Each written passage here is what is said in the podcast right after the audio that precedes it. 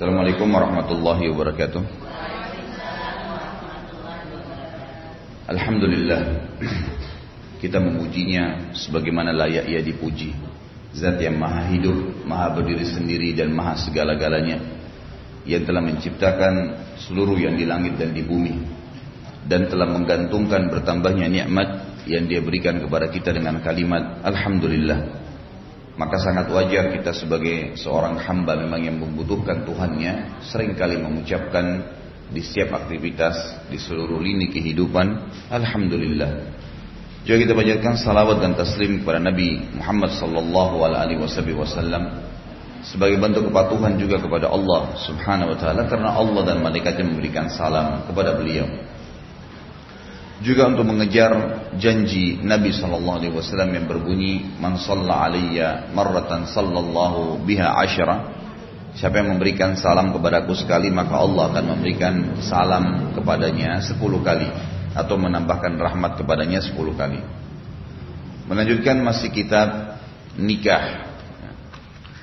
Dan uh, kita pada pagi ini memulai lagi Lanjutannya kemarin 1007 sekarang 1008. 1007 kemarin tentang bolehnya seorang laki-laki menikahi wanita dan maharnya adalah surah Al-Quran atau 20 ayat dari Al-Quran surah Al-Quran yang dia hafal ini sudah kita jelaskan bahwasanya ada jumlah minimalnya ya.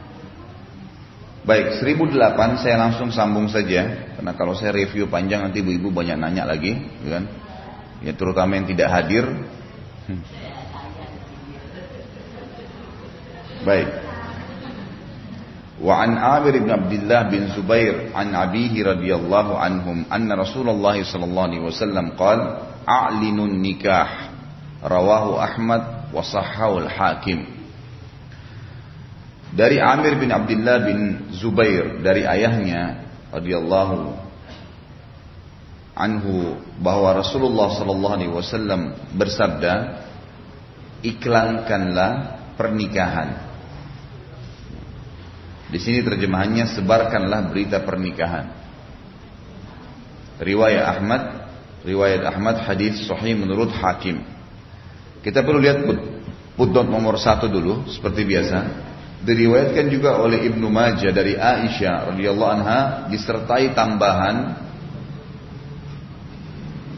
wadribu alaihi bil ghirbal dan pukullah rebana untuknya. Maksudnya acara pernikahan itu. Dalam riwayat Tirmidzi bituf duf artinya gendang. Ya. Al-Hafidh Ibnu Hajar menjelaskan dalam kitab Fathul Bari bahwa sanatnya lemah. Sanat tentang dipukulnya gendang di acara perkawinan lemah. At-Tabarani At-Tabarani meriwayatkan dari Sa'id bin Yazid bahwa Rasulullah SAW berkata Asyidun nikah atau siarkanlah nikah Ahmad dan Bukhari meriwayatkan dari Aisyah bahwa ia mempertemukan seorang perempuan dengan seorang laki-laki Ansar maka Rasulullah SAW berkata oleh Aisyah tidak ada hiburannya karena sungguhnya orang Ansar itu senang hiburan hiburan dimaksud sini adalah hiburan yang diadakan oleh wanita-wanita muda dan nyanyian teman-teman pengantin bukan hiburan yang berlaku sekarang dengan mendatangkan wanita-wanita lacur yang pekerjaannya seperti penghibur dan maksiat. Dari apa yang saya bacakan tadi di footnote itu, ada dua hukum yang diambil dari hadis ini. Yang pertama, disuruh iklankan. Beritakan ke orang-orang. Dan ini tujuannya agar tidak terjadi fitnah. Kalau ada orang nikah kemudian tidak disampaikan, tidak diiklankan, maka dikhawatirkan malah jadi fitnah. Kalau dia jalan berdua dengan istrinya itu, Terus orang nggak tahu kalau ini istrinya, malah jadi fitnah. Tinggal masalah kasus mengiklankan ini itu relatif. Sebagian ulama mengatakan mengiklankannya adalah mengiklankan kepada sebagian orang yang dekat. Misal yang memang rutin ketemu dengan dia. Tetangga, kerabat dekat, cukup. Karena orang-orang ini yang sering ketemu, jangan sampai tersebar fitnah. Karena kalau umumnya orang di jalan sana nggak perlu, gitu kan. Mereka nggak tahu siapa ini yang jalan. Tapi yang bisa menjadi fitnah adalah orang-orang yang dekat. Makanya pendapat pertama ini mengatakan bahwasanya tujuan diiklankannya pernikahan agar selamat dari fitnah. Terutama dengan orang-orang yang rutin bertemu dan mengetahui siapa yang mempelai ini. Yang pendapat yang kedua mengatakan iklan ini lebih luas tujuannya. Selain menyelamatkan kedua mempelai dari fitnah, juga melihat memperlihatkan kepada manusia kegembiraan. Jadi memang ada saatnya dalam Islam seseorang bergembira, gitu kan? Pada saat misalnya Idul Adha, Idul Fitri, pernikahan, memang pada saat itu dianjurkan orang-orang itu untuk memperlihatkan sesuatu, kegembiraan. Hukum yang kedua yang diambil daripada hadis ini karena ditambah dengan footnote beberapa riwayat yang semisal tapi ada tambahannya. Disuruh untuk memukul gendang. Dan ini memang hadisnya cukup banyak, cukup banyak hadis yang berbicara tentang masalah hal ini. Memukul gendang. Tetapi memukul gendang ini hanya untuk kaum wanita hanya untuk kaum wanita di hadapan para wanita. Dan hadis ini semua makna hadisnya dari yang lemah sampai yang sahih bermakna bahwasanya yang dipukul adalah gendang, rebana kalau gitu. Tidak ada alat musik yang lain. Karena semua makna hadis menyebutkan itu dikhususkan Perhatikan kalau dalam memaknai atau memahami hadis Nabi SAW, kalau disebutkan jenis tertentu, tempat tertentu, ya, waktu tertentu, berarti nggak boleh diubah. Misal asar, sholatnya di waktu asar, jumlahnya empat rakaat, gitu kan? Ditentukan tuh, nggak boleh ditambah lima, nggak boleh kurangin tiga, nggak boleh dikerjakan di luar waktu asar, ada penentuan. Ini dengan cara difahamin dari dalil yang datang menyebutkan secara khusus tuh. Jadi kalau ada penyebutan secara khusus berarti tidak boleh diubah. Sama halnya dengan kasus kalimat duf, gendang yang dipukul. Nabi SAW tidak mengatakan, ya, gunakanlah alat musik misalnya. Tapi penyebutan khusus. Memukul gendang. Padahal di zaman Nabi SAW itu sudah ada seruling, sudah ada alat-alat musik yang lain itu sudah banyak, gitu kan? Kalau sekarang kayak berkembang menjadi gitar, zaman dulu itu sudah ada, gitu kan? Tapi mungkin tinggal bentuk fisiknya yang berbeda. Gitu. Maka di sini kita harus fahamin secara detail makna hadis, kalimat yang ditujukan oleh Nabi Shallallahu Alaihi Wasallam. Berarti yang dibolehkan memukul gendang sesama wanita. Ini pun hukumnya sunnah. Kalau mau dikerjakan. Dan di sini kalimat-kalimat yang diucapkan disebutkan dalam makna hadis tadi adalah kalimat yang menghibur, mempelai wanita tadi, menunjukkan kegembiraan dia pada hari ini, dan juga untuk tamu-tamu wanita yang datang dan tidak ada satupun lafaz hadis yang menyuruh laki-laki melakukannya. Tidak ada sama sekali. Juga di zaman Nabi Sallallahu Alaihi Wasallam dalam pernikahan, saya jelaskan di awal kitab nikah kemarin, bagaimana tata cara pernikahan Islami. Ya. Harus ada wali wanita, harus ada dua saksi, harus ada mahar, mahar sesuatu yang diletakkan, di hadapan walinya wanita. Makin sederhana maka makin banyak berkahnya. Maharnya. Ini bukan biaya-biaya yang dikeluarkan untuk saling bantu misalnya kalau buat acara gedung itu lain. Tapi ini mahar adalah sesuatu memang yang dikasih untuk syarat sahnya akad nikah. Ya. Kemudian tidak ada kemaksiatan dan diiklankan. Kata-kata tidak ada kemaksiatan ini harus difahami lebih luas. Bahwasanya tidak boleh ada pelanggaran syar'i.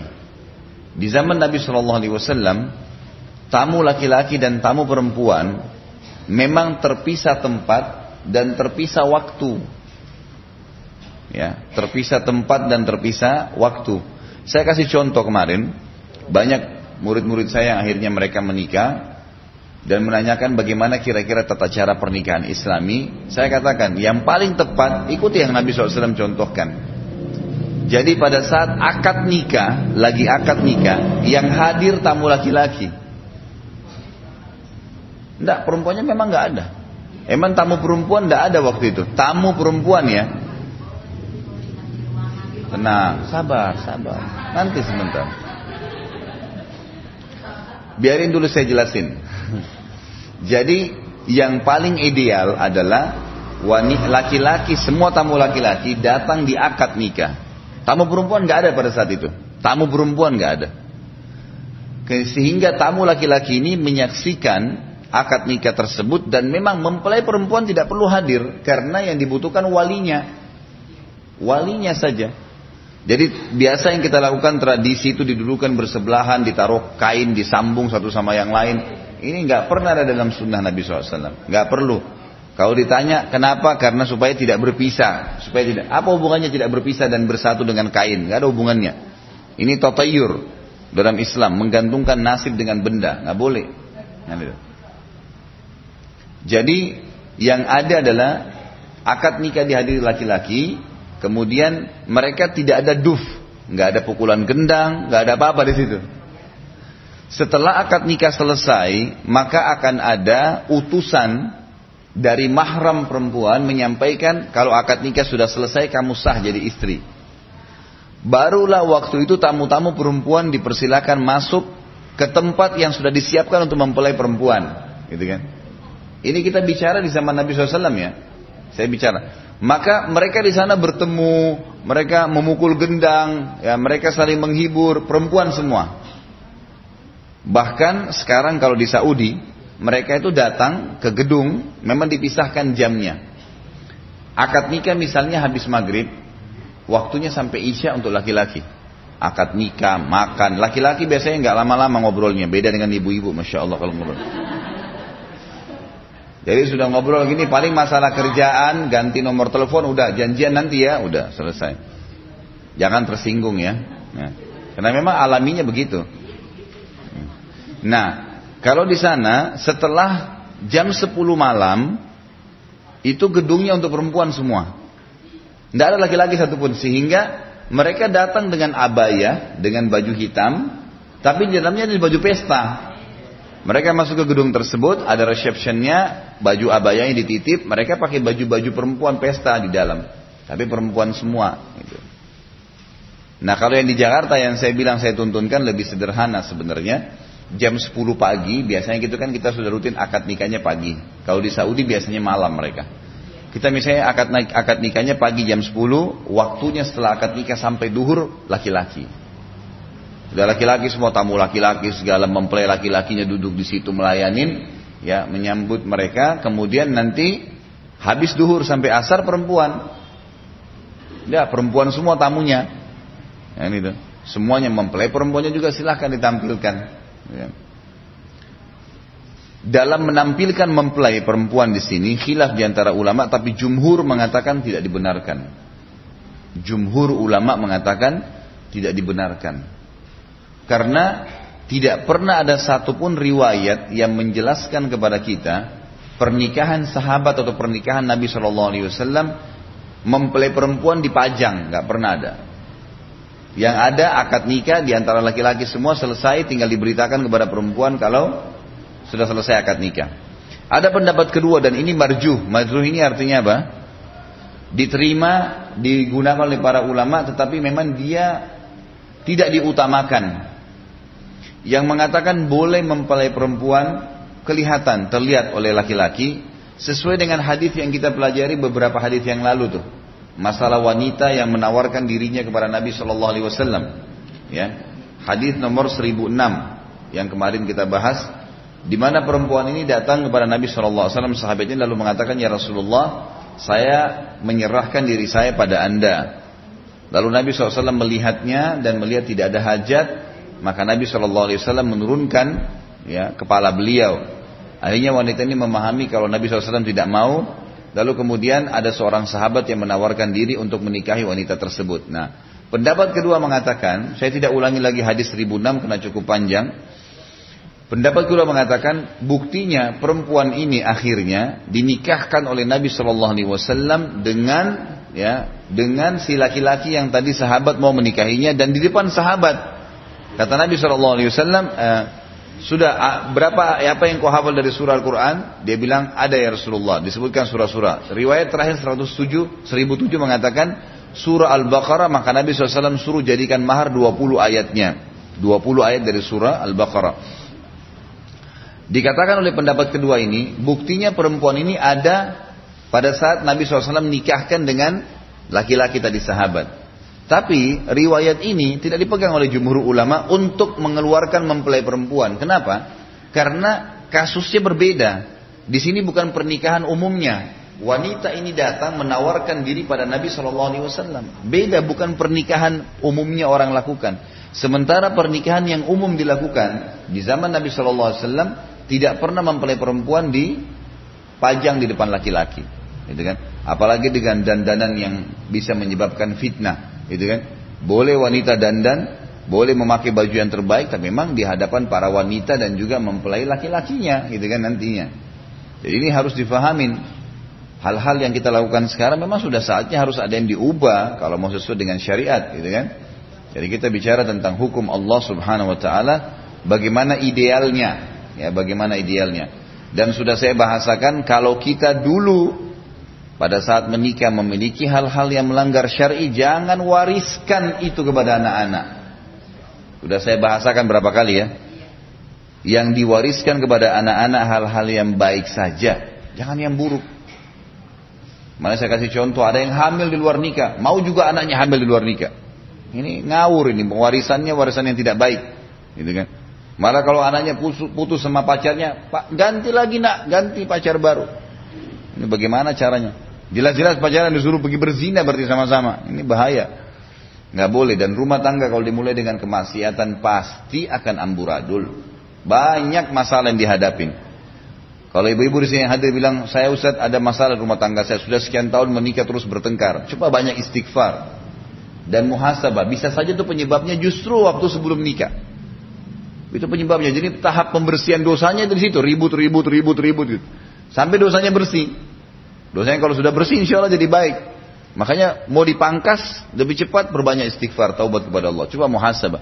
Kata ulama, beda pembersihan dosa. Kalau seseorang itu istighfarnya umum, global, astagfirullah wa atubu ilaih. Oh, global. Dia enggak dia enggak rinci dosa-dosanya dengan orang yang rinci. Ini pada saat itu kayaknya saya pernah buat dosa. Ya Allah saya beristighfar dosa itu. Ya Allah saya istighfar dosa yang ini.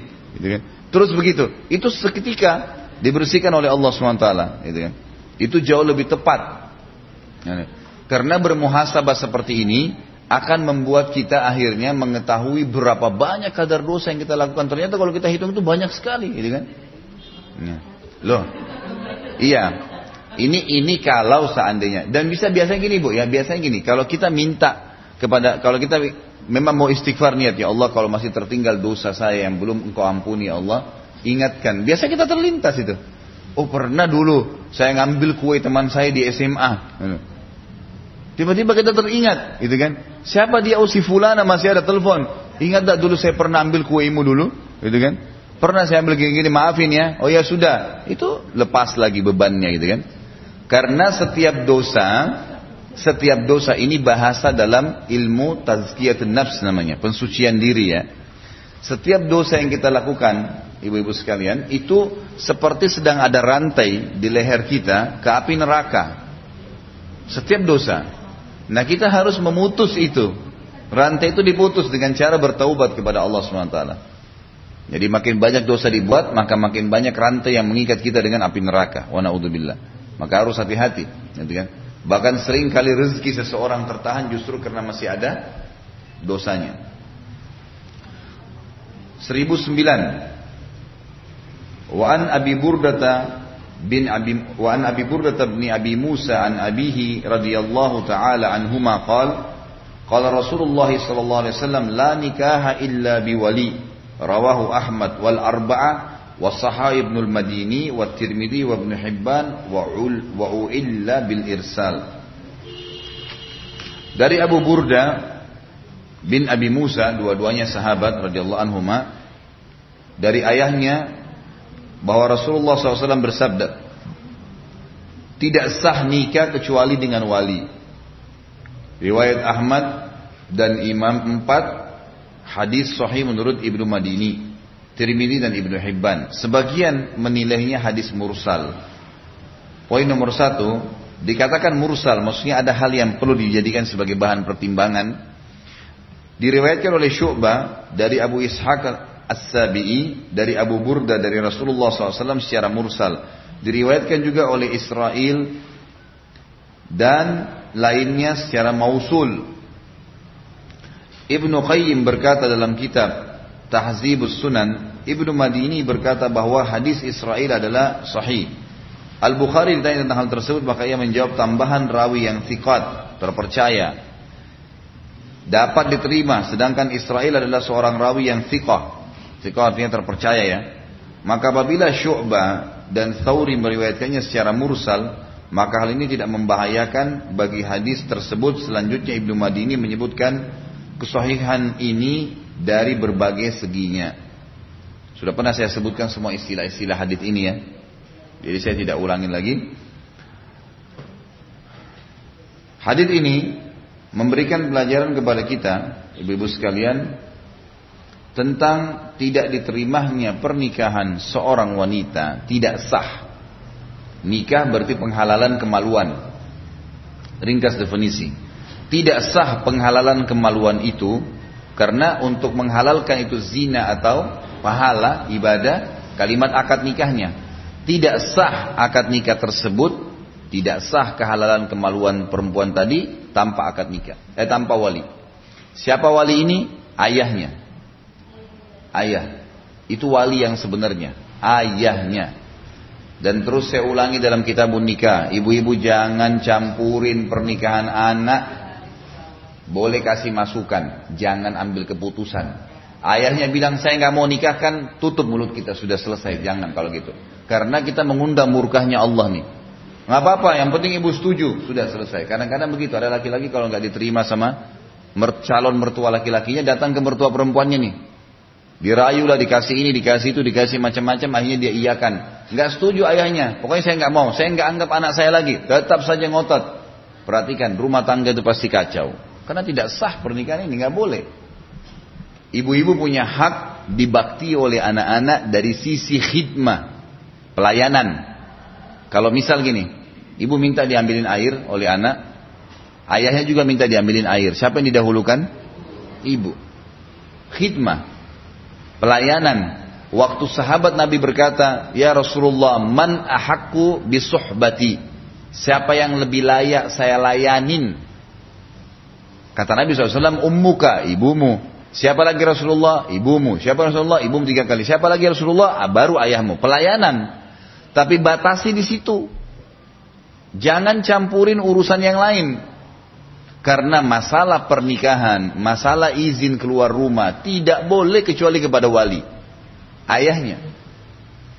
Satu-satunya cara wali itu bisa ditarik dari dia, lepas dari si ayah, kalau dia menolak calon mempelai yang baik sesuai dengan kriteria agama, ditolak. Ada satu A menamar soleh, baik.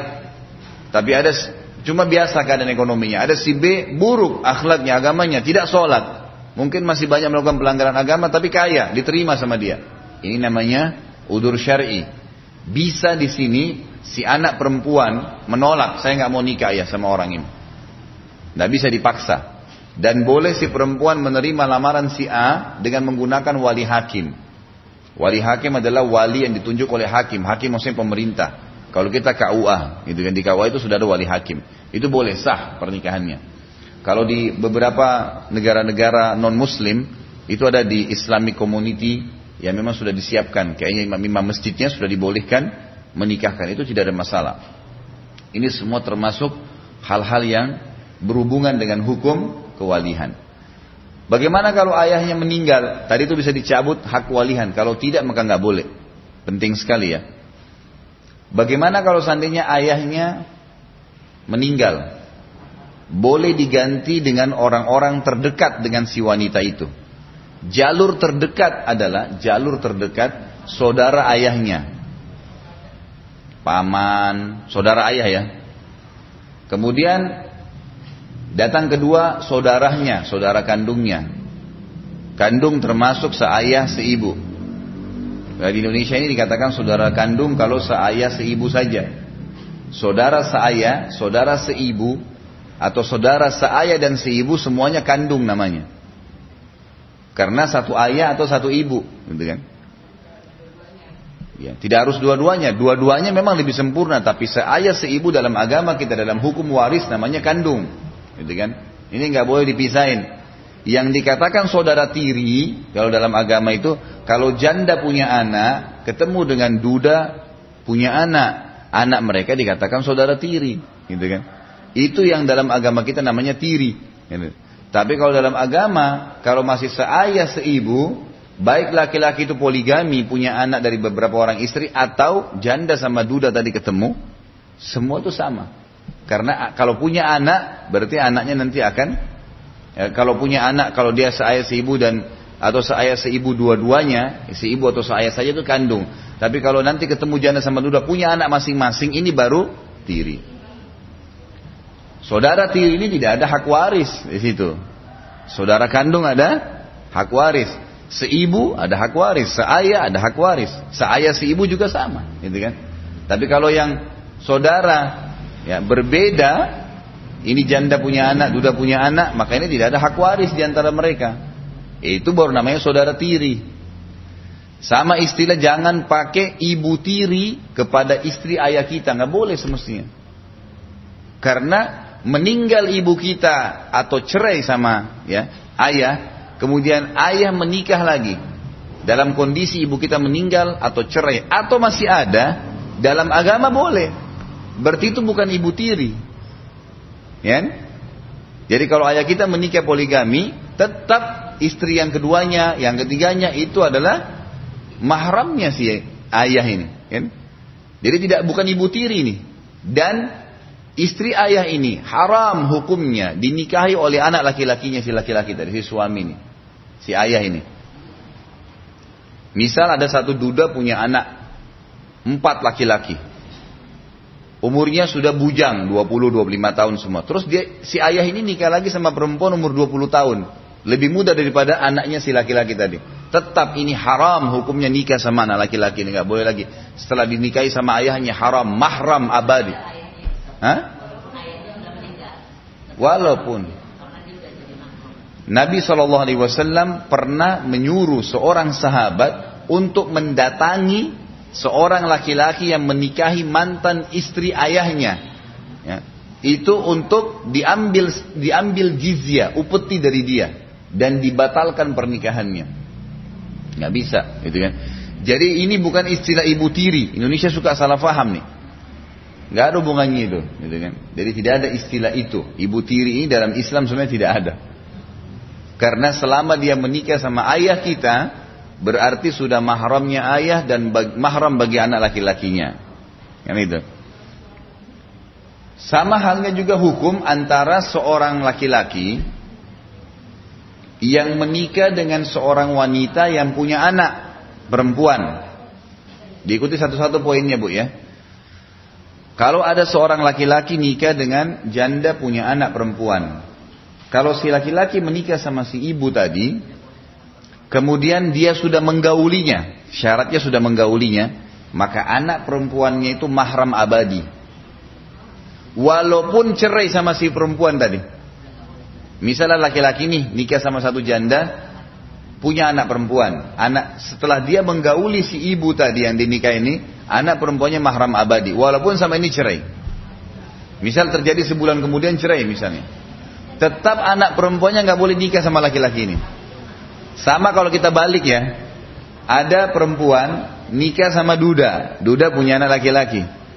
Setelah nikah sebulan, sudah bergaul, sudah suami hubungan suami istri, terus meninggal apa? Cerai sama si laki-laki tadi.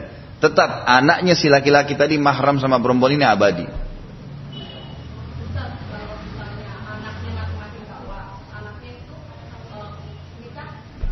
Nggak ada masalah. Bukan mahram itu. Iya. Ini bertanya atau ngambek ini bu? Hmm? Kok kayak ngancam gitu?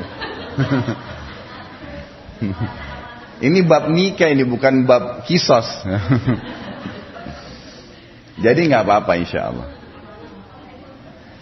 Dia jelas. Ada lagi yang mau bertanya nggak? Mestinya nanti terakhir baru bertanya nih. Tapi sudah langganan sama ibu-ibu, pasti dikat. Apalagi nih kalau staff awal datang ini, masya Allah.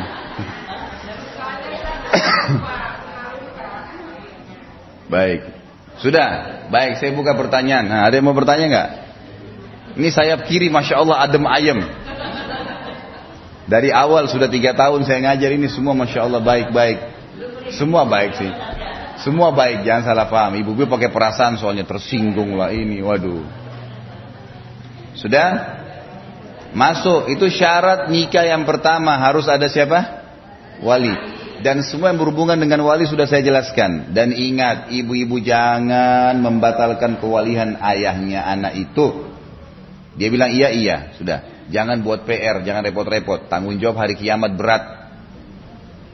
Pikirkan akhirat. Kita bisa mati sebentar, semenit kemudian, berbahaya. Tanpa sakit, tanpa apa. Tanggung jawab hari kiamat. Jangan cuma ego. Karena kadang-kadang syaitan masuk ke jiwa kita ini mengatakan ah biarin aja, tunjukin aja, oh kamu memang bisa dan segalanya. Ini semua nggak boleh. Hukum syari. Hati-hati hisab hari kiamat. Syarat yang kedua, pernikahan. 10 eh, 1010. Warawal Imam Ahmad anil Hasani an Imran bin Husaini marfu'an la nikaha illa biwaliyin wa syahidain. Imam Ahmad meriwayatkan hadis marfu. Sudah pernah saya jelaskan marfu ya. Marfu itu langsung diangkat kepada Nabi Shallallahu Alaihi Wasallam. Dari Hasan dari Imran bin Husain Tidak sah nikah kecuali dengan seorang wali dan ada dua saksi. Perlu ibu-ibu tahu dari hadis ini, setiap disebutkan saksi dalam Islam, maka yang muncul dalam hukum syar'i dua orang laki-laki beriman. Ya, ini dua. Saksinya harus laki-laki. Kalau laki-laki sudah uzur, tidak ada laki-laki, atau mungkin laki-laki ada tapi kafir atau masih di bawah umur nggak bisa jadi saksi baru boleh diganti dengan wanita itu pun satu laki-laki diganti dengan dua perempuan atau wanita ini kalau dalam keadaan darurat jadi harus saksi laki-laki syarat ini yang dimaksudkan dengan saksi adalah melengkapkan syarat yang pertama wali baik pertanyaannya sahkah pernikahan tanpa saksi Jawabannya tidak. Pendapat yang paling kuat tidak sah. Seperti orang banyak nikah mut'ah kalau syiah itu. Datang ke perempuan, ayo kita nikah deh. Ini. Sekian hari, udah. Nggak ada saksinya. Wali perempuan nggak ada. Cuma datang kepada imam, gitu kan. Jadi hampir sama dengan transaksi zina. Kan itu. Negosiasi berapa hari, berapa maharnya, terus nikah. Hah? Gak enak itu bu.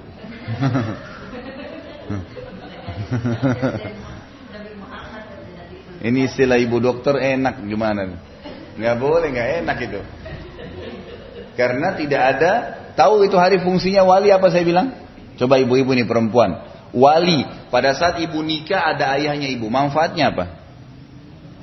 Perlindungan. agar si laki-laki yang akan jadi calon suaminya ibu tahu, nih di belakangnya dia ada laki-laki juga. Emang sudah begitu fitrahnya. Jadi dia lebih hati-hati. Wanita tanpa wali dianggap remeh oleh laki-laki itu. Emang sudah begitu. Makanya Allah lebih faham fungsi wali di situ. Gitu kan? Dan harus ada. Terakhir kalau tidak ada pun wali hakim, laki-laki juga dari pemerintah. Memang harus begitu. Jadi jangan ada satu pendapat yang sering disebarkan di Indonesia ini lagi subur nih. Terutama maaf ibu-ibu yang janda kemudian mau menikah. Kadang-kadang buru-buru mengambil pendapat yang dinukil dari Abu Hanifah tapi pendapat lemah sekali. Abu Hanifah pun punya dua pendapat dalam masalah ini. Katanya kalau janda boleh nikah tanpa wali. Dari mana ini? Nggak ada dari janda ataupun gadis tetap izin wali. Tetap izin wali. Tentu di sini wali izin ya. Saya mau nikah, gitu kan. Kalau ya ayah, ayah harus ayah. Boleh kalau dia ada udur tadi. Kalau misalnya ayahnya ibu lagi stroke tua nggak mampu pikun, kan itu. Apalagi kalau sudah meninggal, itu pindah kepada orang yang terdekat dengan ayah saudara kandung, ayah paman lah ya. Kemudian kalau juga tidak ada kesiapan, maka bisa pindah kepada ingat ya, saudara kandungnya ayah, bukan saudara kandungnya ibu. Kedudukan yang terdekat kepada ayah, saudara kandung, jadi paman. Kalau dalam bahasa Arab itu memang beda istilah untuk saudara kandung ayah dengan saudara kandung ibu. Kalau saudara kandung ayah laki-laki dipanggil am, ain sama mim. Biasanya orang bilang kalau orang Indonesia itu orang Arab bilang ami ami. Ami itu sebenarnya untuk saudara kandung ayah. Itu penting membedakannya sebenarnya karena saudara laki-laki ibu dipanggil khal. Lain. Saudara perempuan ayah dipanggil ammah. Saudara perempuan ibu khalah, gitu kan? Ya. Ya, biasa diringkas ame. Itu sudah tradisi macam-macam. Semestinya tidak boleh. Mesti pakai istilah itu. Kedudukan begini, kedudukan saudara ayah dan saudara ibu, cara memahaminya begini. Orang yang terdekat dari seseorang, saya misalnya, yang terdekat dari keluarga ayah saya adalah saudara kandung laki-lakinya ayah. Saudara kandung paman. Setelah itu, ya, pindah kepada saudari perempuan ibu. Silang ya, saudara laki-laki ayah paman, kemudian pindah ke saudari perempuan ibu, tante dari ibu. Jadi tante dari ayah dilangkahin tuh.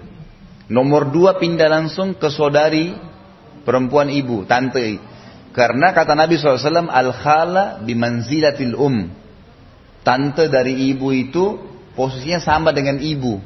Sementara tante dari ayah itu posisinya bukan pengganti ibu dan juga bukan pengganti ayah. Kalau saudara laki-lakinya kan tadi pengganti ayah ya. Bisa jadi wali. Kalau saudari perempuannya nggak bisa. Setelah itu, setelah saudari perempuan ibu, baru pindah ke saudari perempuan ayah, baru saudara laki-laki ibu. Ya. Ini kalau kita memahami faktor kedekatan. Saudara laki-laki ayah, kemudian pindah ke saudari perempuan ibu. Ini kalau dari sisi kedudukannya ya, karena ini saudari perempuannya ibu menggantikan posisi ibu di sini. Baru saudari perempuan ayah, baru saudara laki-laki ibu. Bisa paham ya? Alhamdulillah pelajaran pagi jadi masih segar.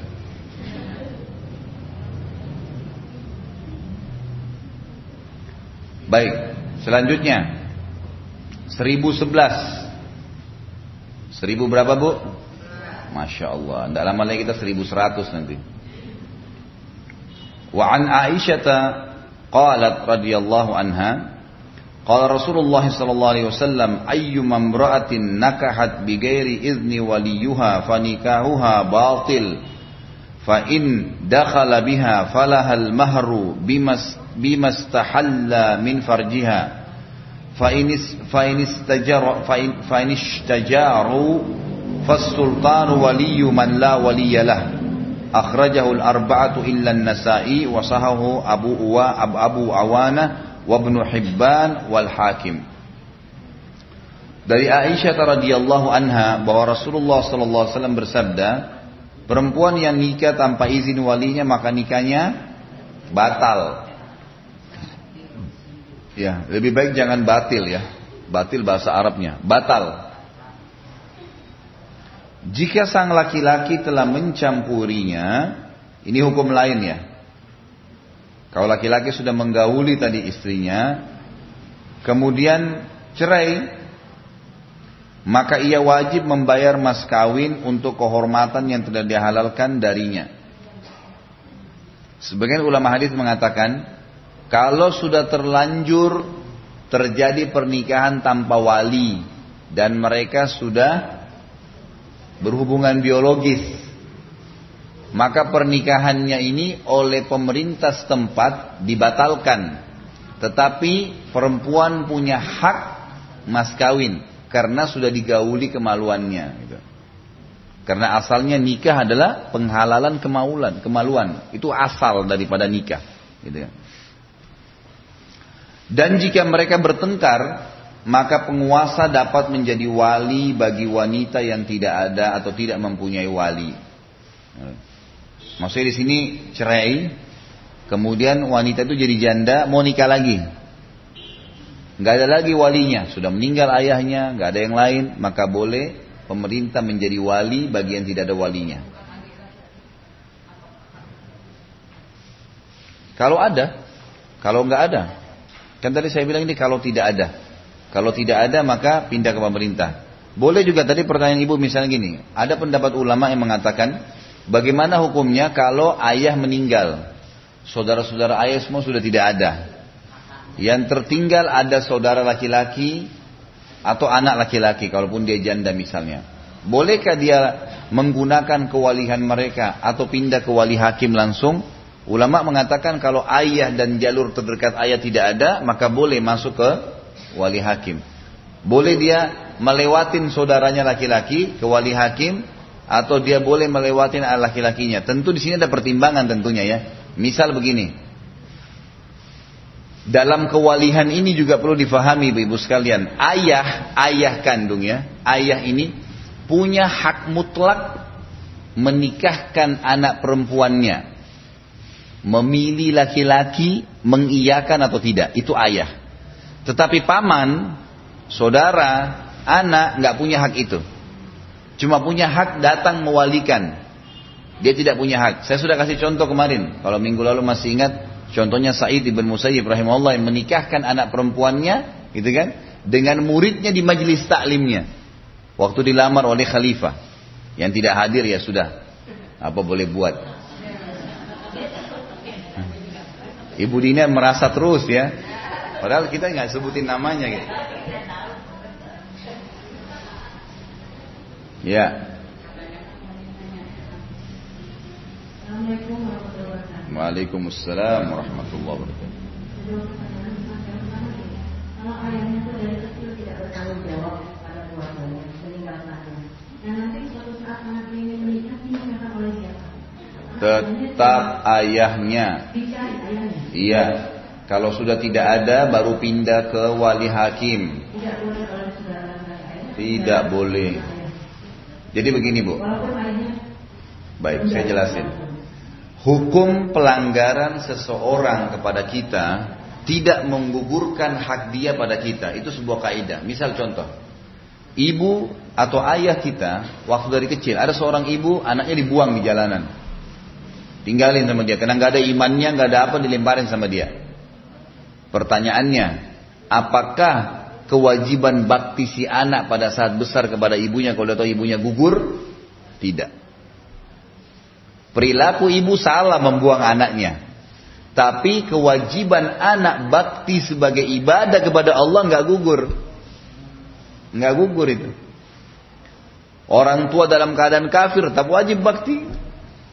Nggak boleh nggak gugur. Kan gitu. Jadi harus difahami ini. Tadi ayah tidak bertanggung jawab hilang. Terus sekarang anaknya sudah gadis mau nikah. Gimana caranya dicari beritanya? Kalau tidak didapat, memang sudah tidak ada beritanya, atau atau pada saat pun ketemu kemudian diminta kewalihannya dia nggak mau misalnya dilihat uzurnya kenapa Perhatikan lagi udurnya. Kalau udur dia tidak syar'i, misalnya tanya, sama siapa kamu mau nikah nak? Oh sama si fulan fulan. Bagaimana? Yang dia tanya, bagaimana kekayaannya? Misal. Oh orangnya biasa sih ayah, cuman orangnya beragama. Udah nggak usah nikah. Itu berarti sudah ada udur syar'i. Karena udur syar'i adalah menolak calon mempelai laki-laki yang beragama. Itu berarti bisa ditarik kewalihannya, dibatalin, dipindahkan kepada wali hakim. Kan gitu. Tidak ada. Tidak ada serah terima. Itu cuma transaksi jual beli. Ya. Dan sudah kita bahas di bab jual beli. Gitu kan.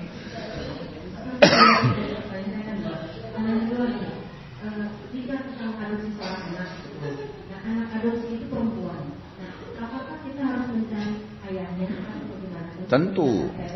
Saya sudah wanti-wanti. Jangan pernah ambil anak kecuali tahu orang tuanya. Nggak boleh. Jangan anak di dari pinggir jalan. Cari tahu dia yatim piatu nih siapa nama ayahnya dan pasti masih ada kerabat ayah ibunya itu. Oh nggak jelas kami nggak tahu nggak usah cari anak yang lain. Nggak bisa. Sama halnya saya pernah jelaskan juga kalau ibu-ibu masih ingat dalam masalah menyusui anak. Tidak boleh sembarangan. Kalau kita udah susuin anak seseorang atau kita donor ASI. Catat tuh siapa, ibu ini siapa pemilik asinya. Karena ada hukum mahram sama si bayi. Ada hukum syari. Iya, datanya ibu itu lengkap. Dia siapa, suaminya, rumahnya di mana, anaknya dia berapa orang. Tapi yang menjadi yang menjadi mahram si bayi hanya anak yang sedang disusui oleh ibu itu. Misal, ada ibu A nyusuin nih anaknya yang kedua, anaknya dia perempuan, kemudian ada satu anak tetangganya yang ibunya meninggal dia susuin juga, laki-laki. Sudah minum susu nih, anak laki-laki tetangganya tadi menjadi mahram anaknya dia yang sedang disusuin, bukan saudara-saudaranya. Enggak, Enggak. Sesusu, namanya kan sesusuan. Ini sudah berapa banyak fatwanya ibu dokter yang salah nih. Kalau pasiennya datang. Sesusu saja. Jadi si anak yang disusuin tetangga tadi boleh nikah sama adiknya saudara saudari susunya tadi. Yang tidak boleh yang sesusuan. Makanya perlu diketahui itu statusnya. Ya Bu ya, yang bertanya sudah? Ada lagi yang mau bertanya? Padahal saya maunya kayak biasa nih, akhir baru bertanya. Ibu-ibu paling suka cut. Kadang-kadang ada riwayat yang saya ingat jadi lupa. Tulis, tulis, tulis di kertas. Tulis, ini pertanyaan ini, pertanyaan ini. Yang saya mau tanya, ada seorang janda kawin sama seorang muda. Masing-masing mereka bawa anak tiga. Nah, eh, yang terjadi adalah mereka kawin, anaknya e, itu anak perempuan kawin dengan anak janda yang laki-laki. Boleh. Sudah, sudah, sudah, sudah, sudah. Sudah, Bu-ibu, ini ini ini kelas nuntut ilmu bukan tuduh-tuduhan. Dah. Dah selesai. Orang belum tahu dijelasin. Baik. Lanjut. Ya. 1012.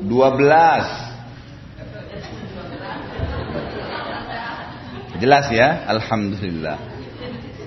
Wa an Abi Hurairah radhiyallahu anhu anna Rasulullah sallallahu alaihi wasallam qala la tunkahul al-ayyimu hatta tusta'mar wala tunkahul bikru hatta tusta'zan qalu ya Rasulullah wa kaifa idnuha qala an taskuta muttafaqun alaih dari Abu Hurairah anhu bahwa Rasulullah SAW bersabda seorang janda tidak boleh nikahkan kecuali setelah diajak berembuk.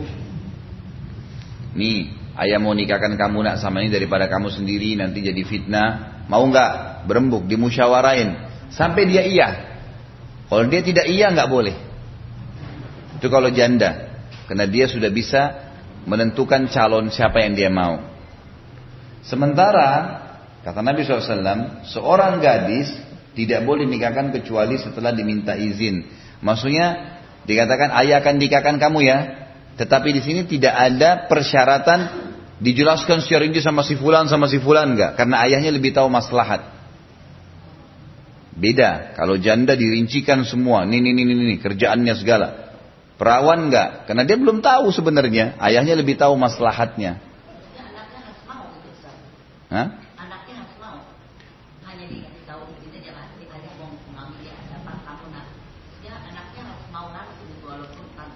Tentu ada kaidah syar'i. Syarat-syarat syar'i kan ada. Orang yang beragama. Ya mestinya dia mau. Mestinya dia mau. Makanya cara si ayah menyampaikan di sini dengan cara yang baik. Tentu dia di sini lihat kejiwaannya si ayah, dilihat agamanya si ayah, gitu kan? Yang lalu saya sebutkan, ya. Jadi di sini begini.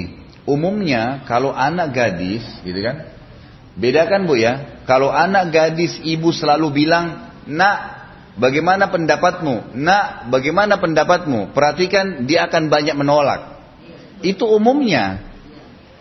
Tujuan syari adalah Nak, ayah akan nikahkan kamu sama si fulan, ya. Anaknya baik, beragama gini-gini. Sudah, akan dinikahkan pada tanggal sekian. Itu akan langsung memandu dia kepada poin yang terbaik.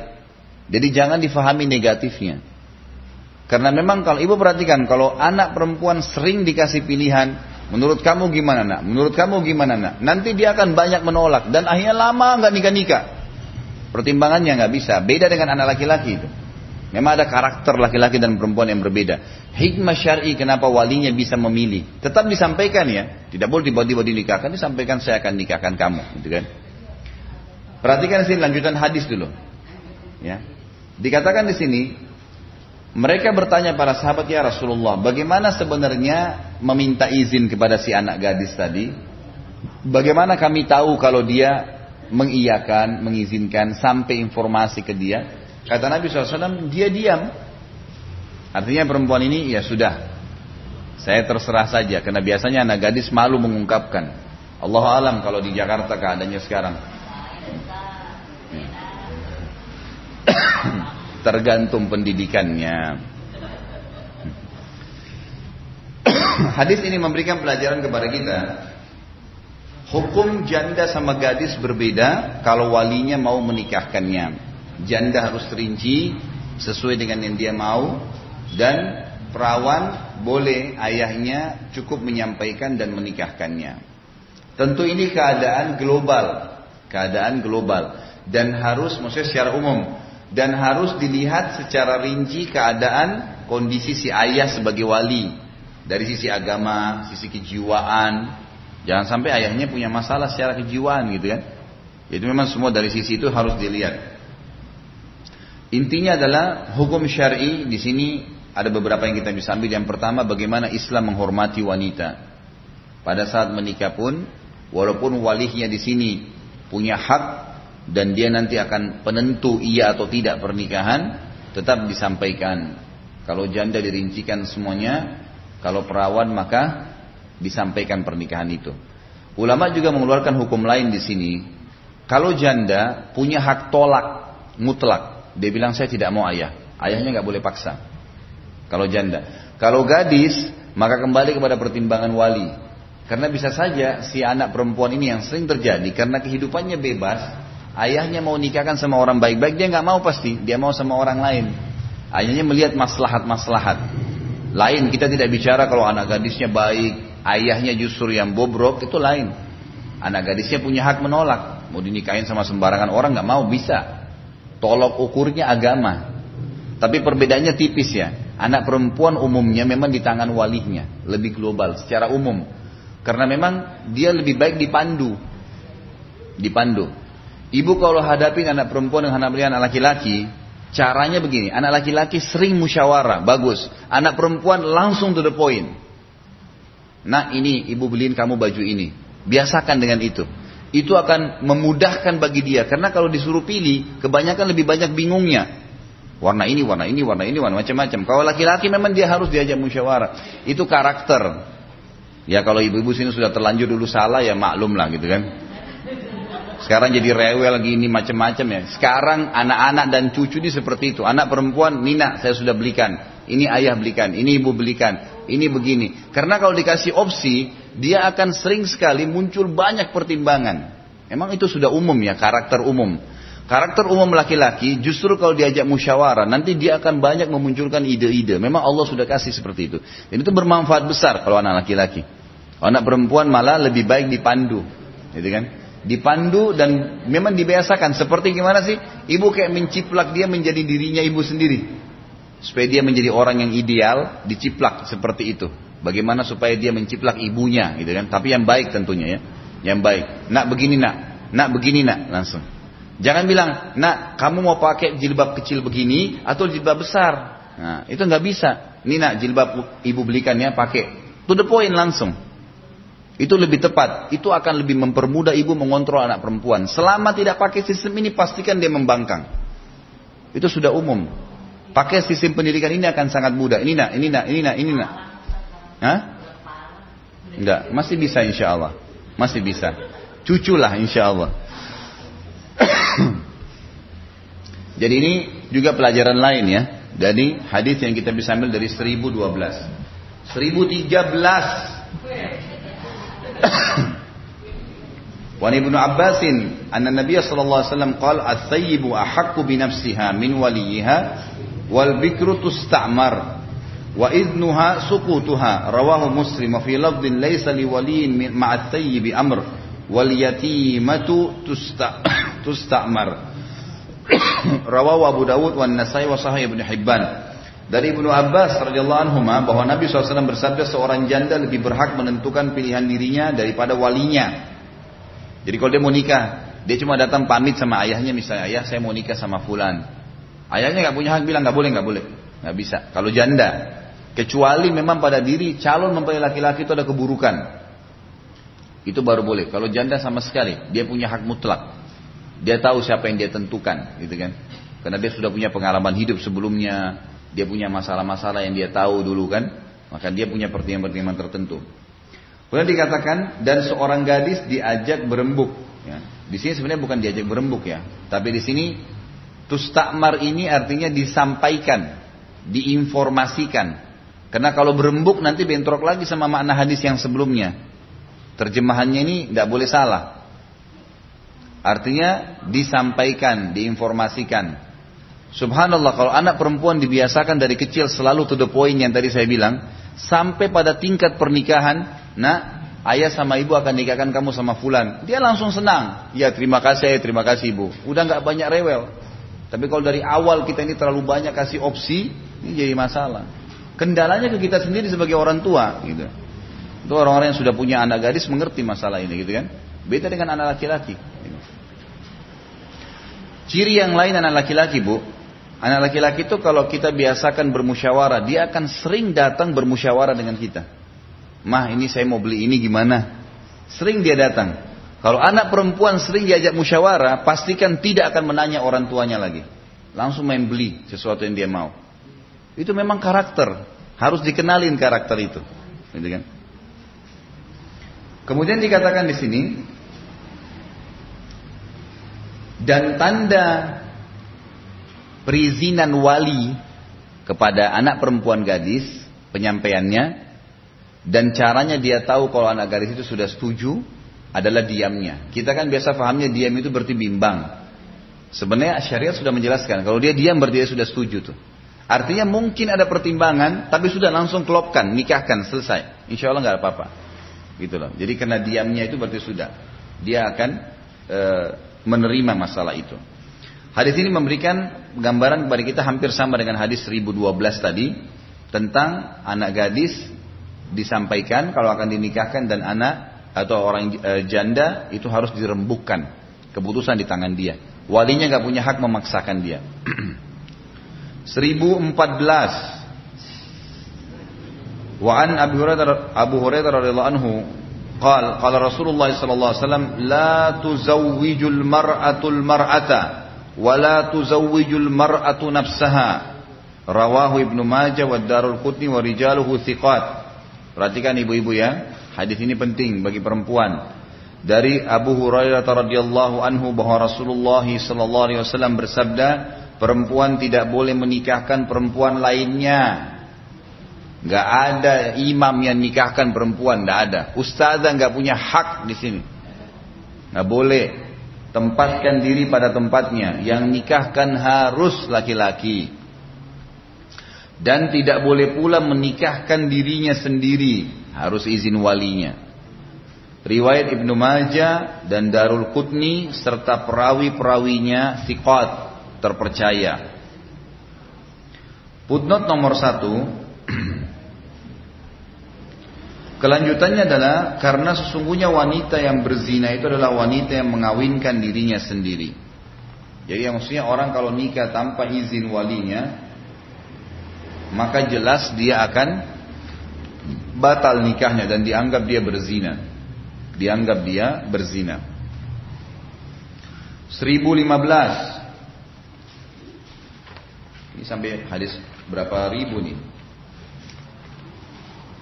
sampai 1031 ya tentang kitab nikah ini.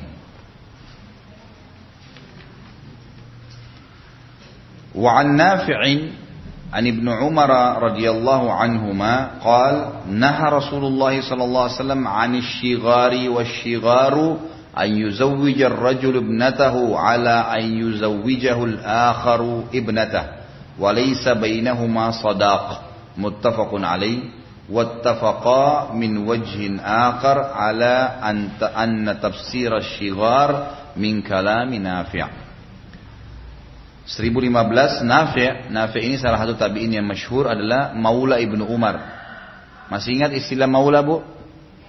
Hah? 1015 hadis dan kita panjang lebar bab, bab perbudakan dulu. Apa itu maula? Budak yang apa? budak yang dimerdekakan oleh tuannya. Kita punya budak, kita mengatakan kamu bebas. Maka ada nama maula. Si A membebaskan B, budaknya B. Maka pada saat B dibebaskan dengan lisan, saya bebaskan kamu. Atau tulisan, maka si B dikatakan misalnya B maula A. Dan hukum maula ada. Pada saat si B meninggal, A walaupun bukan mahal, bukan kerabatnya tidak rumah kerabat tapi tuannya mantan tuannya salah, salah satu yang mendapatkan warisan. Nafi' ini adalah maulanya Ibnu Umar radhiyallahu anhu ya. Bekas budaknya Abdullah bin Umar. Dan ini juga sebuah pelajaran yang luar biasa. Dikatakan oleh para ulama hadis ada namanya sanat emas.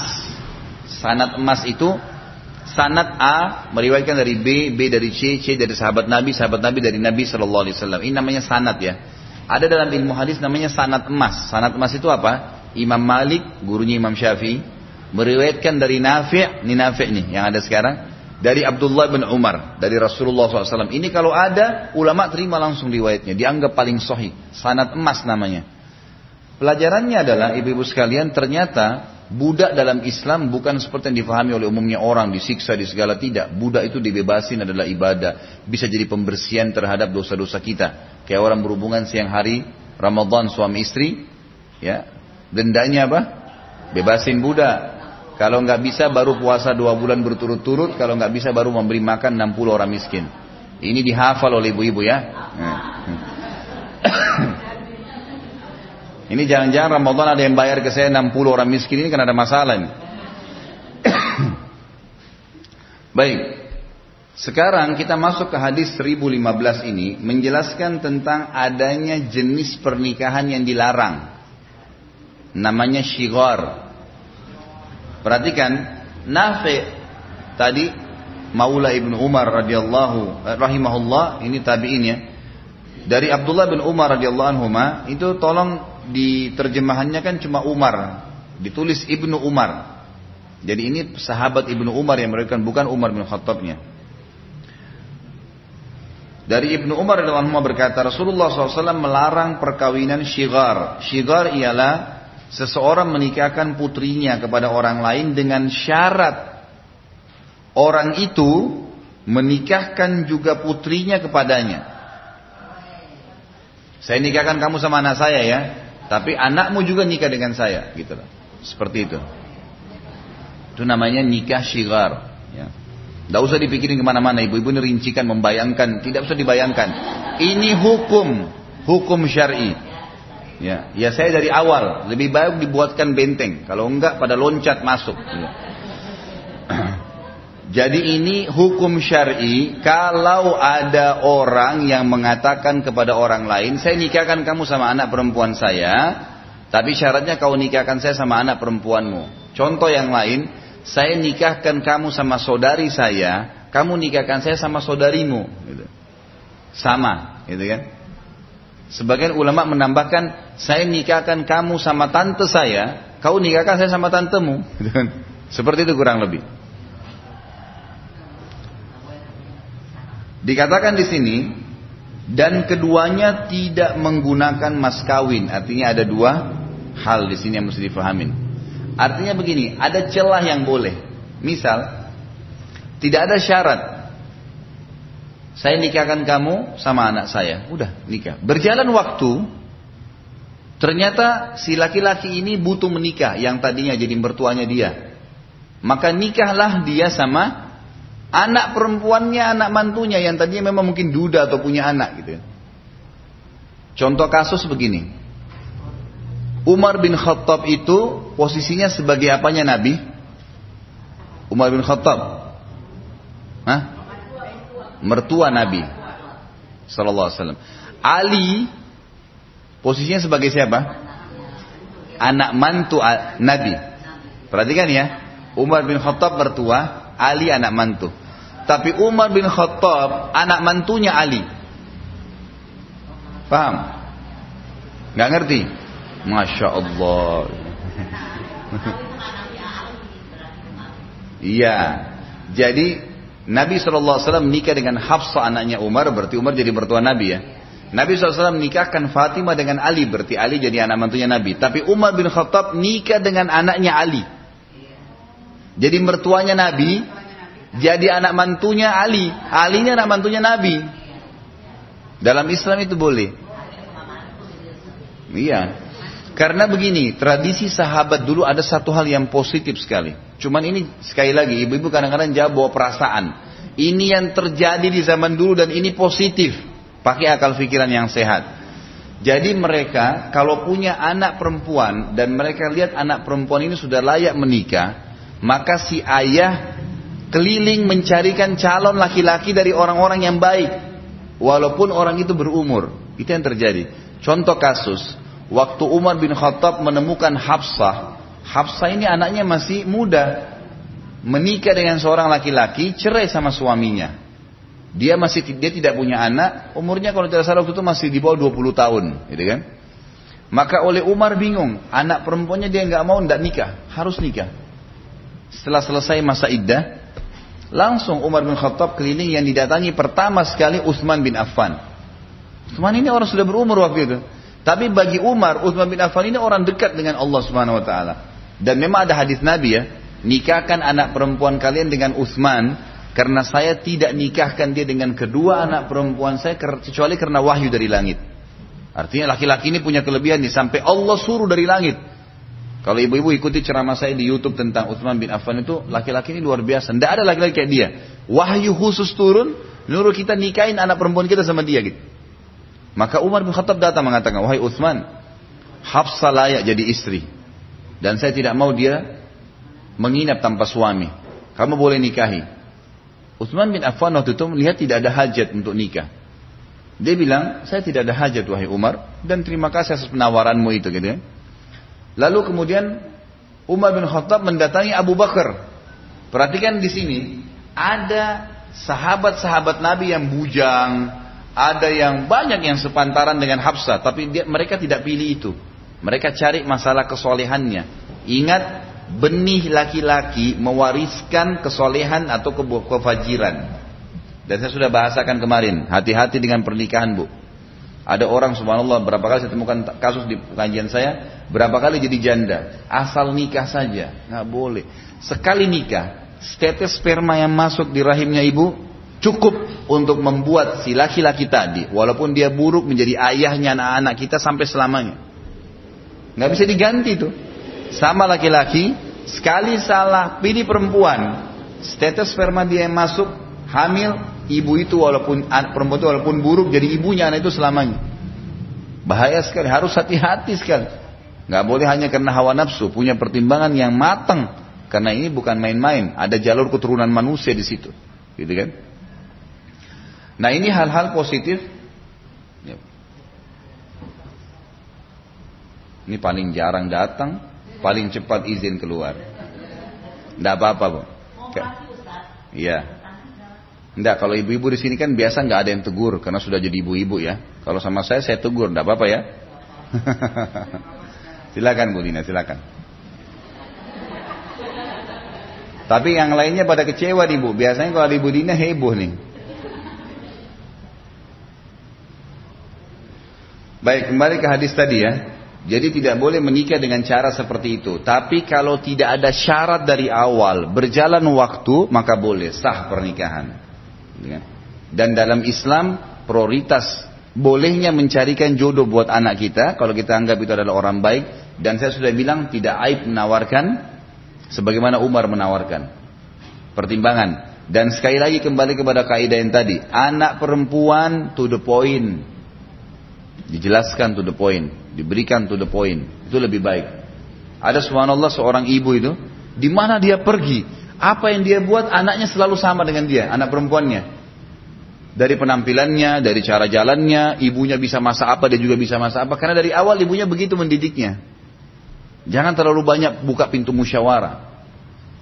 Sama anak perempuan, laki-laki lain. Ini penting bu, meringankan banyak bebannya ibu dalam kehidupan. Perempuan memang harus begitu. Jadi memang dia selalu dinaungin, selalu dibina. Setelah nikah pun suruh patuh pada suaminya. Kerjaan ini, kerjaan ini, seluruh ikut. Nah ini ini akan terbentuk pada saat dari sebelum nikah itu. Baik, jadi nikah dengan syarat seperti ini tidak boleh, gitu kan? Tetapi kalau tidak diikuti dengan syarat, boleh menikah. Tadi kasus kan, jadi jangan difahamin karena ini punya anak, ini punya anak, berarti tidak boleh kalau ini sudah nikahi anaknya ini, ini nggak boleh nikahi anak itu salah, itu boleh. Tetapi yang tidak boleh kalau ada syarat. Artinya si A tidak mau nikahkan si B sama anaknya dia kecuali si B nikahkan dia sama anaknya, gitu kan? Itu baru tidak boleh. Syiar, syigar namanya. Tapi kalau seandainya memang si A yang punya anak ini menikahkan dia, si B, berjalan waktu dia butuh nikah, lalu kemudian dia nikah sama anak si B itu boleh saja. Jelas ya, Bu? Baik. Tidak ada tanggapan tapi anggap sudah faham. Karena diamnya anak gadis seperti setuju. Anggap saja anak gadis semua Masya Allah. Langsung senyumnya lebar dibilang anak gadis ya. Baik. 1016. Wan Ibnu Abbas radhiyallahu anhuma anna jariyatan bikran atatin nabiyya sallallahu alaihi wasallam fadzakarat أن أباها زوجها وهي كارها فخيرها رسول الله صلى الله عليه وسلم رواه أحمد وأبو داود وابن Ibnu وأوئل بالإرسال dari Ibnu Abbas radhiyallahu anhuma bahwa ada seorang gadis menemui Nabi Shallallahu Alaihi Wasallam lalu bercerita bahwa ayahnya menikahkannya dengan orang yang ia tidak sukai. Maka Rasulullah SAW memberi hak kepadanya untuk memilih. Riwayat Ahmad, Abu Dawud, Ibnu Majah, dan ada yang menilai hadis ini mursal. Kita lihat footnote nomor satu. Ibnu Qayyim berkata rahimahullah, periwayatan hadis ini secara mursal bukanlah suatu illat. Illat itu maksudnya alasan. Alasan baginya karena hadis ini diriwayatkan secara secara musnad dan mursal. Maksudnya semua sebenarnya jalurnya banyak. Apabila kita berpegang kepada pendapat para fukaha yang menyatakan bahwa bersambungnya sanat mempunyai nilai lebih, sehingga orang yang mewasalkannya harus didahulukan atas rawi yang memursalkannya, maka tidak ada masalah. Demikianlah sikap mereka terhadap kebanyakan hadis. Dan apabila kita menghukumi kemursalannya seperti pendapat banyak muhadithin, maka hadis ini adalah hadis mursal yang kuat karena didukung oleh banyak asar riwayat yang lain maksudnya yang sahih dan jelas kias kias itu e, menarik pemahaman hukum dari satu dalil ke dalil yang lain. Dan kaidah-kaidah syarak, kaidah-kaidah syariat. Wanita yang dimaksud dalam hadis ini adalah bukan Hansa, ya, Hansa sebenarnya binti Hizam al-Ansari yang dikawinkan oleh bapaknya dengan laki-laki yang tidak dicintainya. Lalu ia menolak perkawinan tersebut. Ya. Di sini kata-kata bukannya dicoret aja ya. Itu kan dikatakan di dalam hadis ini wanita dimaksud dalam hadis ini adalah bukan khansa.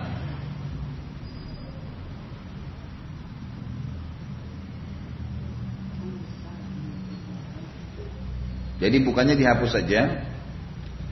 Riwayat jamaah, maksudnya lebih banyak ulama-ulama hadis. Selain Imam Muslim, Imam Muhammad dan Nasai meriwayatkan bahwa ada seorang perempuan berkata kepada Nabi Shallallahu Alaihi Wasallam, sesungguhnya bapakku terangkatlah martabatnya. Maka beliau menyerahkan urusan tersebut kepadanya. Maksudnya di sini orang tuaku semoga saja ya seperti yang dia niatkan, dia menikahkan saya dengan seorang laki-laki untuk mengangkat martabatnya. Tapi saya tidak suka laki-laki itu. Seperti itulah.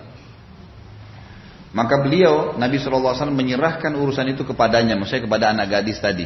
Apakah dia mau lanjutkan pernikahan atau dia mau diceraikan. Maka ia berkata, aku telah memperbolehkan apa yang dilakukan oleh bapakku itu, namun saya ingin agar diketahui bahwa bapak ini tidak berhak memaksa anaknya kawin dengan seseorang.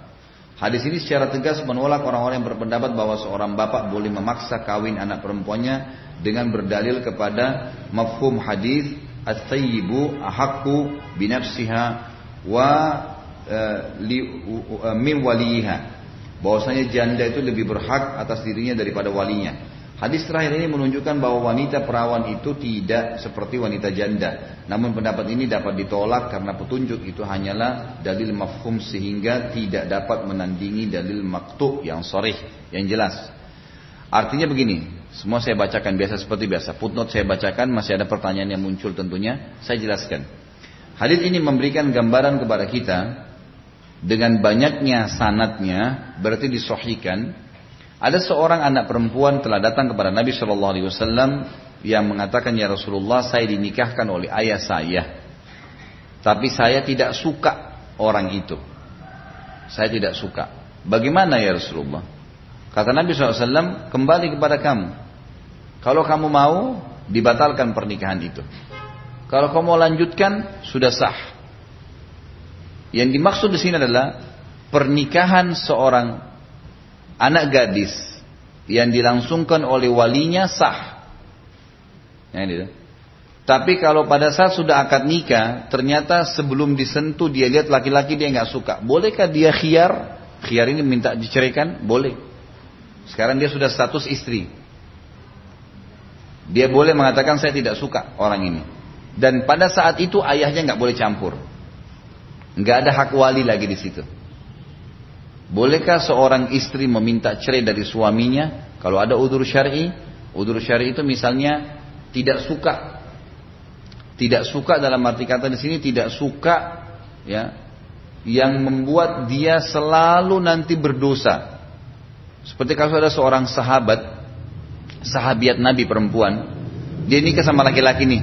Berjalan berapa waktu, setiap kali dia lihat suaminya jalan sama teman-temannya, selalu dia temukan suaminya yang paling jelek. Itu hadis sahih. Dan selalu mengganggu kejiwaan dia. Ini memang dalam riwayat dikatakan suaminya yang paling pendek, suaminya gendut. Memang dalam hadis itu. Sehingga dia setiap kali lewat sama teman-temannya, dia merasa, kenapa saya nikah sama ini dulu ya gitu.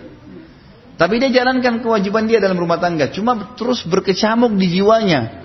Dia berharap laki-laki yang lebih baik dan pada saat itu dia masih muda, gitu kan? Maka dia datang kepada Nabi SAW mengatakan ya Rasulullah jiwa saya terganggu nih selalu begini keadaannya. Dan setiap kali saya lihat dia ternyata saya dulu tidak punya pertimbangan-pertimbangan secara fisikal. Sekarang ini ada sedikit yang mengganggu saya. Bolehkah saya meminta cerai? Masuk udur syar'i enggak? Kata Nabi SAW, kau siap kembalikan maharnya? Dia bilang iya ya Rasulullah. Dulu laki-laki ini kaya memberikan sebuah kebun kurma yang besar. Luas dan mahal harganya. Kata wanita tersebut, iya ya Rasulullah, saya siap kembalikan kebunnya. Maka Nabi SAW memisahkan di antara keduanya. Gitu kan? Artinya salah satu udur syari itu. Udur syari yang lain adalah, kalau seandainya suami sudah tidak bisa, tanda kutip, berfungsi yang sebenarnya. Nggak bisa melayani biologi sementara si istri sangat membutuhkannya. Stroke misalnya, sakit keras, nggak boleh dia egois kecuali memang istrinya mau berbakti cari surga di situ. Tapi kalau dia nikah sama wanita yang masih muda, dia tiba-tiba stroke, tidak bisa lagi melayani istrinya, istrinya muda nggak mungkin, masih butuh laki-laki. Maka di sini ada uzur syar'i, si perempuan boleh mengajukan. Kalau si laki-laki yang ketiga uzurnya bermaksiat kepada Allah SWT. Berselingkuh, berzina terus, mabuk, tidak mau sholat. Ini uzur syar'i yang ketiga. Uzur yang keempat adalah menyakiti fisik. Mukul itu nggak boleh. Mukul dalam arti kata di sini menampar wajah, memukul kepala, menendang, ini nggak boleh semua. Karena dalam agama Islam kalaupun nusyud, istri nusyud maka dipukul dengan darbatun ghairu mubarrah, pukulan yang tidak berbekas. Dan sudah saya kasih contoh itu hari, sebagian ulama mengatakan dengan kayu siwak atau pulpen kalau kita sekarang yang dipukul ke tangannya ingat kamu sudah salah. Tetap nggak mau ceraikan. Tidak mau pakai jilbab, nggak mau sholat. Jadi cukup begitu. Jadi tidak ada istilahnya box-boxan, pungkur, tampar itu nggak ada. Ya. Itu nggak ada dalam Islam. Kalau ada laki-laki begini, segera cerai, berbahaya. Gitu. Kecuali dia mau taubat, bahaya. Ini kan ada udur syari. Kalau enggak berarti tiap-tiap hari memar-memar. Gitu. Kemudian udur yang selanjutnya adalah tidak memberikan nafkah uang. Dan jangan biologis dikatakan nafkah, itu bukan nafkah. Lain, itu memang hak lain. Tidak memenuhi kebutuhan biologis itu udur syar'i juga. Kan gitu. Ada laki-laki sampai lebih daripada enam bulan tidak pernah menggauli istrinya. Tidak ada alasan. Tidak ada juga penyakit. Hanya merasa jenuh. Istri sudah boleh. Kalau enam bulan boleh mengajukan cerai. Sama halnya juga tidak memberikan nafkah. Nafkah ini uang yang digunakan untuk kebutuhan dasar. Kebutuhan dasar ya. Kalau tidak dikasih nggak bisa jalan kehidupan. Bayar listrik, bayar air, beli minyak goreng, gula, teh dan seterusnya. Pokoknya yang dibutuhkan harus berjalan kehidupan. Kalau enggak maka terhambat kehidupan itu. Jadi mas satu namanya nafkah. Tidak diberikan selama enam bulan boleh mengajukan cerai. Mengajukan dan ini wali akan memberikan kepada dia. Ini ada udur-udur syar'i ya. Udur syar'i. Termasuk udur syar'i adalah hilangnya berita suami. Tapi kalau hilang berita suami ini, itu sebagian pendapat ulama mengatakan hitungannya sampai 4 tahun. Hilang itu begini. Hilang itu misal dia ikut kapal, ya kerja di kapal. Nggak ada berita. Nggak ada sinyal HP. Kalau zaman dulu memang nggak ada sama sekali kan informasi. Kalau sekarang sudah bisa. Zaman dulu nggak ada. Nggak ditahu beritanya. Sampai empat tahun gak ada berita. Maka si wanita boleh mengajukan. Tentu di sini pengajuan cerai ini dari si istri ini itu darurat sekali ya. Karena target pernikahan mengejar surga dari suami. Bukan target mencari laki-lakinya ya. Karena itu target utama pernikahan. Sama dengan laki-laki menikah, target utamanya mengejar surga dari istrinya. Karena dia akan ada pahala nafkah, pahala biologisnya, pahala itu pahalanya yang dicari, sama dengan si istri. Gitu. Jadi targetnya harus ada dulu dan target itu yang dijadikan sebagai sasaran.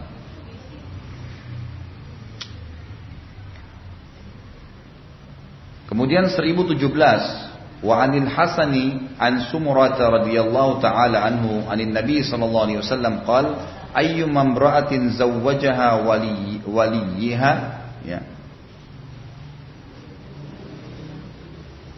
Ayyama ayyama imra'atin zawwajaha waliyani fahiya lil awwal minhuma. Rawahu Ahmad wal arba'a wa hasanahu Tirmidzi. Dari Hasan dari Sumrah. Ya. ini terjemahannya kok salah ini dari Madmarah. Dari mana Madmarah ini? Dicoret itu diganti ya. Dari sum, dari Hasan dari Sumrah. Maksudnya Hasan ini Hasan Basri ya.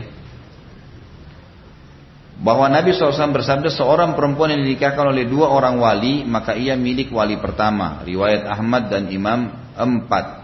Hadis Hasan menurut Tirmidzi dilihat putnot nomor satu Tirmidzi berkata kami tidak tahu ada perselisihan pendapat di antara ahli ilmu dalam masalah ini sehingga apabila dua orang wali itu secara bersamaan mengawinkannya maka kedua pernikahannya tidak sah yang dimaksud dalam hadis ini adalah kalau ada misalnya seorang wanita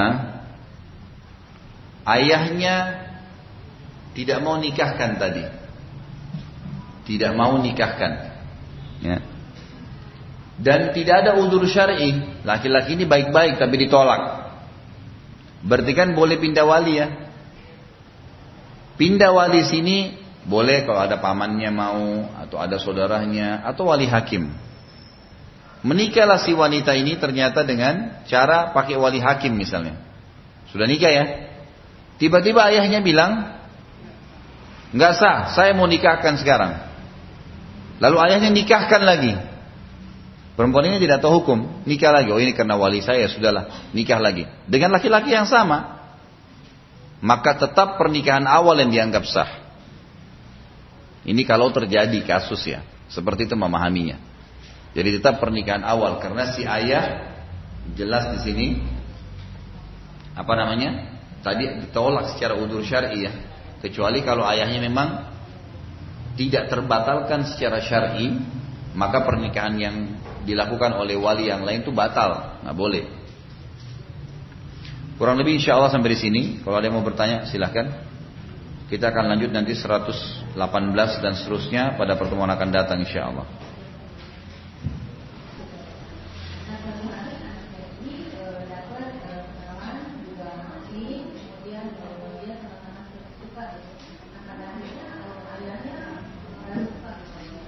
Kalau kalau saran saya ya, sebelum saya masuk ke masalah ibu ini, saya, saran saya semua orang tua, semua orang tua, jadikan anak itu sebagai ajang ibadah dan salah satu puncak daripada ibadah dengan anak dengan menikahkannya, terutama anak perempuan.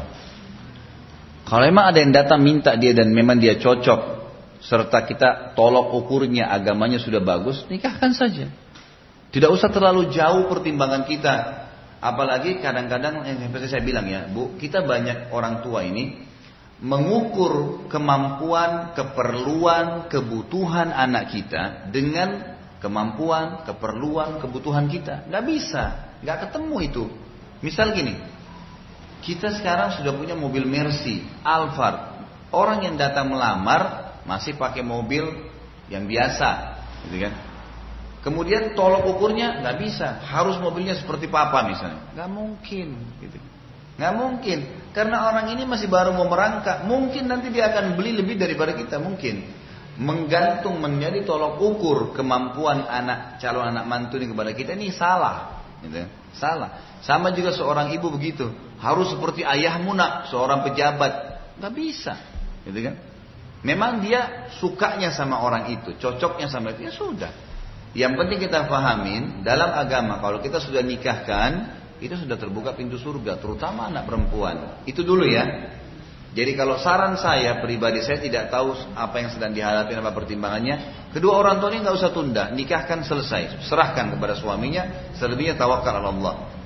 Karena yang kita harus selalu, selalu jadikan patokan adalah saya akan menghadap dengan Allah. Semua di muka bumi ini ibu akan tinggalin pakaiannya bermerek, tasnya yang bermerek, mobilnya yang bermerek, semua anak, suami, semuanya akan ditinggalkan. Nggak bakalan, gitu kan. Ada sebuah contoh ilustrasi dari seorang ulama. Ini sering diangkat hanya untuk dijadikan sebagai contoh gitu supaya bisa faham. Digambarkan ada satu keluarga naik mobil, ayah, ibu sama anak-anaknya. Lagi perjalanan, gitu kan, Kemudian di tengah jalan ada seseorang yang menahan mobil yang bernama harta. Maka si ayah berkata, bagaimana? Tanya istrinya, tanya anak-anaknya, ditumpangin tidak ini harta? Mereka bilang tumpangin, dengan harta kita bisa beli apa yang kita mau. Naiklah si harta di mobil. Kemudian jalan sedikit, ada lagi orang yang menahan mobil. Ini kedudukan, martabat, Baiklah, bagaimana istri sama anak saya? Terima aja. Baik, nama kita harum, naik lagi di mobilnya. Orang yang ketiga, menahan mobil ini yang bernama agama. Gimana ini? Naik gak numpang agama? Mobil ini ilustrasi kehidupan kita. Istri, anak, ini komposisi keluarga. Gitu kan? Kemudian yang masuk dalam rumah tangga kita, harta, jabatan, dan ada agama. Baik, agama mau naik. Bagaimana istri saya, anak saya? Jangan dulu. Pertimbangannya banyak nih kalau agama, banyak instruksinya. Gak usah dulu, belum waktunya. Maka agama tidak dinaikkan. Jalan sebentar, ada polisi yang menahan, gitu kan? Dan menyuruh ayah turun dari mobil, kemudian berkata, sekarang sudah saatnya kau ikut dengan saya. Dan kamu hanya bisa selamat dengan satu. Ada nggak agama sama kau di mobil? Dia bilang nggak ada, agama saya tinggalin. Yang ada harta, jabatan, istri, anak. Kata polisinya nggak bermanfaat tuh. Nggak bisa, yang bisa cuma agama. Tapi sudah terlambat. Dia bilang apa? Di dalam ilustrasinya, si ayah bilang ini, bisa nggak izinkan saya kembali ngambil agama kembali? Kata polisinya sudah nggak bisa, sudah saatnya. Ini ilustrasi kehidupan. Kan gitu. Jadi agama patokannya bu. Kita nanti akhirnya jadi tenang. Melepaskan sesuatu. Menerima sesuatu. ya Menghadapi keadaan. Jadi gampang. Kalau agama bendera hidupnya. Harusnya begitu. Orang tua jangan ngotot nih. Lama-lama nikahkan anaknya. Ingat. Kapan anak kita mengeluarkan satu pertanyaan dia butuh jawaban. Walaupun dia masih kecil. Saya bilang, sering saya sampaikan, pernah saya sampaikan kan, anak saya kelas 3 SD perempuan sekarang, tidak asing bagi dia bertanya kepada saya tentang masalah rumah tangga. Dia bilang, abati, ayah saya, abati itu dipanggil saya. Abati nanti kalau Sumaya menikah, bagaimana? 33 SD. Saya tidak bilang, jangan ngomong itu nak, belum saatnya, kamu masih kecil. Enggak. Karena dia sudah melemparkan pertanyaan, berarti dia butuh jawaban. Yang saya lempar kembali ke dia, Insya Allah nak, kamu akan nikah. Nikah dengan penghafal Al-Quran. Orang soleh. Masuk poin-poin yang saya inginkan ke benak dia. Oh iya, sampai sekarang dia kalau ngomong sama istri saya, nanti kalau saya nikah sama penghafal Quran, dia selalu ucapkan itu, target hidupnya itu. Bukan yang lain-lain. Kalau ibu nggak jawab, nggak kasih poin, nanti dia akan tetap mencari jawaban dari sumber. Kalau sumbernya salah, buku kah, temannya kah, maka akan ke mana-mana kan. Harus bisa ada penanaman itu.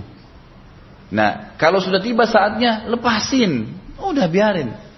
Ada orang subhanallah ngotot seakan-akan tidak mau. Tidak bisa. Ada saat-saat kita harus melepas pernikahan anak. Ada anggota tubuh yang sudah tidak bisa berfungsi maka diamputasi. Ada masa muda yang harus kita tinggalkan ke masa tua ada kematian yang datang menutup semua kehidupan dunia, itu harus, nggak bisa ndak. Biar kita cinta sama suami, sama istri, sama anak, saatnya meninggal masuk kuburan, nggak bisa kita bawa pulang ke rumah, nggak mungkin. Pasti kita akan tinggalkan. Nah, melatih diri membiasakan menerima keadaan ini sangat positif, gitu kan? Kalau saya saran pertama, tadi yang pertanyaan Ibu Yuli ini, bahwa bagaimana orang tuanya melihat, jangan lihat ekonomi saja, Ekonomi itu rezeki maktub ya dicatat oleh Allah SWT. Itu ada sendiri. Bisa saja anak mantu yang tadi dianggap remi ini mungkin malah lebih baik daripada dia berapa tahun lagi, lima tahun, sepuluh tahun kita nggak tahu. Bahkan kemarin saya bilang kalau anak kita menikah, jangan campur di rumah tangganya. Ibu-ibu ini terutama nih, masuk ke rumahnya anak mantunya, ya, ribut masalah dapurnya masih kecil, piringnya masih berapa biji, biarin. Dia mau buka gerobak bakso depan rumahnya biarin. Jangan karena ibu anggap itu jual bakso tuh kotor segala, tidak biarin, biarin dia belajar. Dia tidak mungkin jual bakso sampai meninggal, yakin. Pasti akan dia ganti pengalaman hidup memberikan dia. Ini enggak campurin semuanya masuk, nggak boleh. Jangan campurin lagi, biarin mandiri, gitu kan?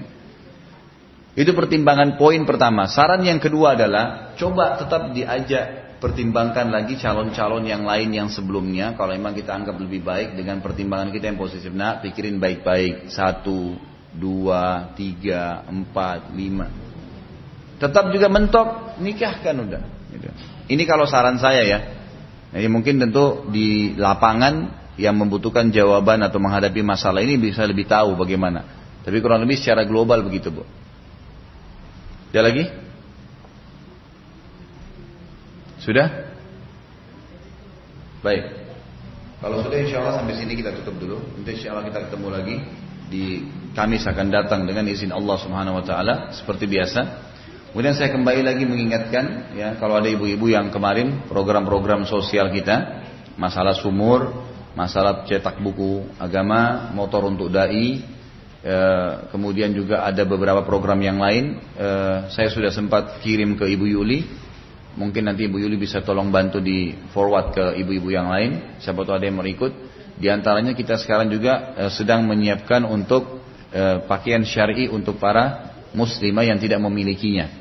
Ini boleh ibu-ibu kalau punya baju-baju bekas atau kalau ada yang mau ikut dalam program itu programnya 350 ribu ya, untuk eh, dua potong baju lengkap sama hijabnya ya. Gitu itu akan diberikan kepada orang-orang yang tidak mampu. Dan ada beberapa program yang lain insya Allah nanti di forward. Uh, tolong Ibu Yuli ya, di forward yang saya kirim kemarin programnya ke ibu-ibu yang lain. Mungkin begitu insya Allah. Mudah-mudahan apa yang kita bahas hari ini bermanfaat dan Allah jadikan kita yang dimudahkan oleh Allah untuk mengamalkan ilmu kita. Serta kita memohon kepada Allah SWT yang maha melihat untuk menolong saudara-saudara kita di mana pun yang mereka sedang tertindas. Di Palestina, di Syria, di Irak, di Yaman, di Uganda, sekarang di Afrika dan juga di Burma. Semoga saja Allah SWT mengangkat permasalahan mereka, menghilangkan rasa lapar mereka, mengganti rasa takut mereka dengan keamanan, serta Allah partisipasikan kita dengan mereka di pahala baik dengan doa kita, harta kita dan juga jiwa kita bila dibutuhkan. Mungkin begitu dulu kalau ada benar dari Allah, pada saat dari saya mohon dimaafkan. Subhanakallah wa bihamdika asyhadu an la atubu ilaik. Wassalamualaikum warahmatullahi wabarakatuh.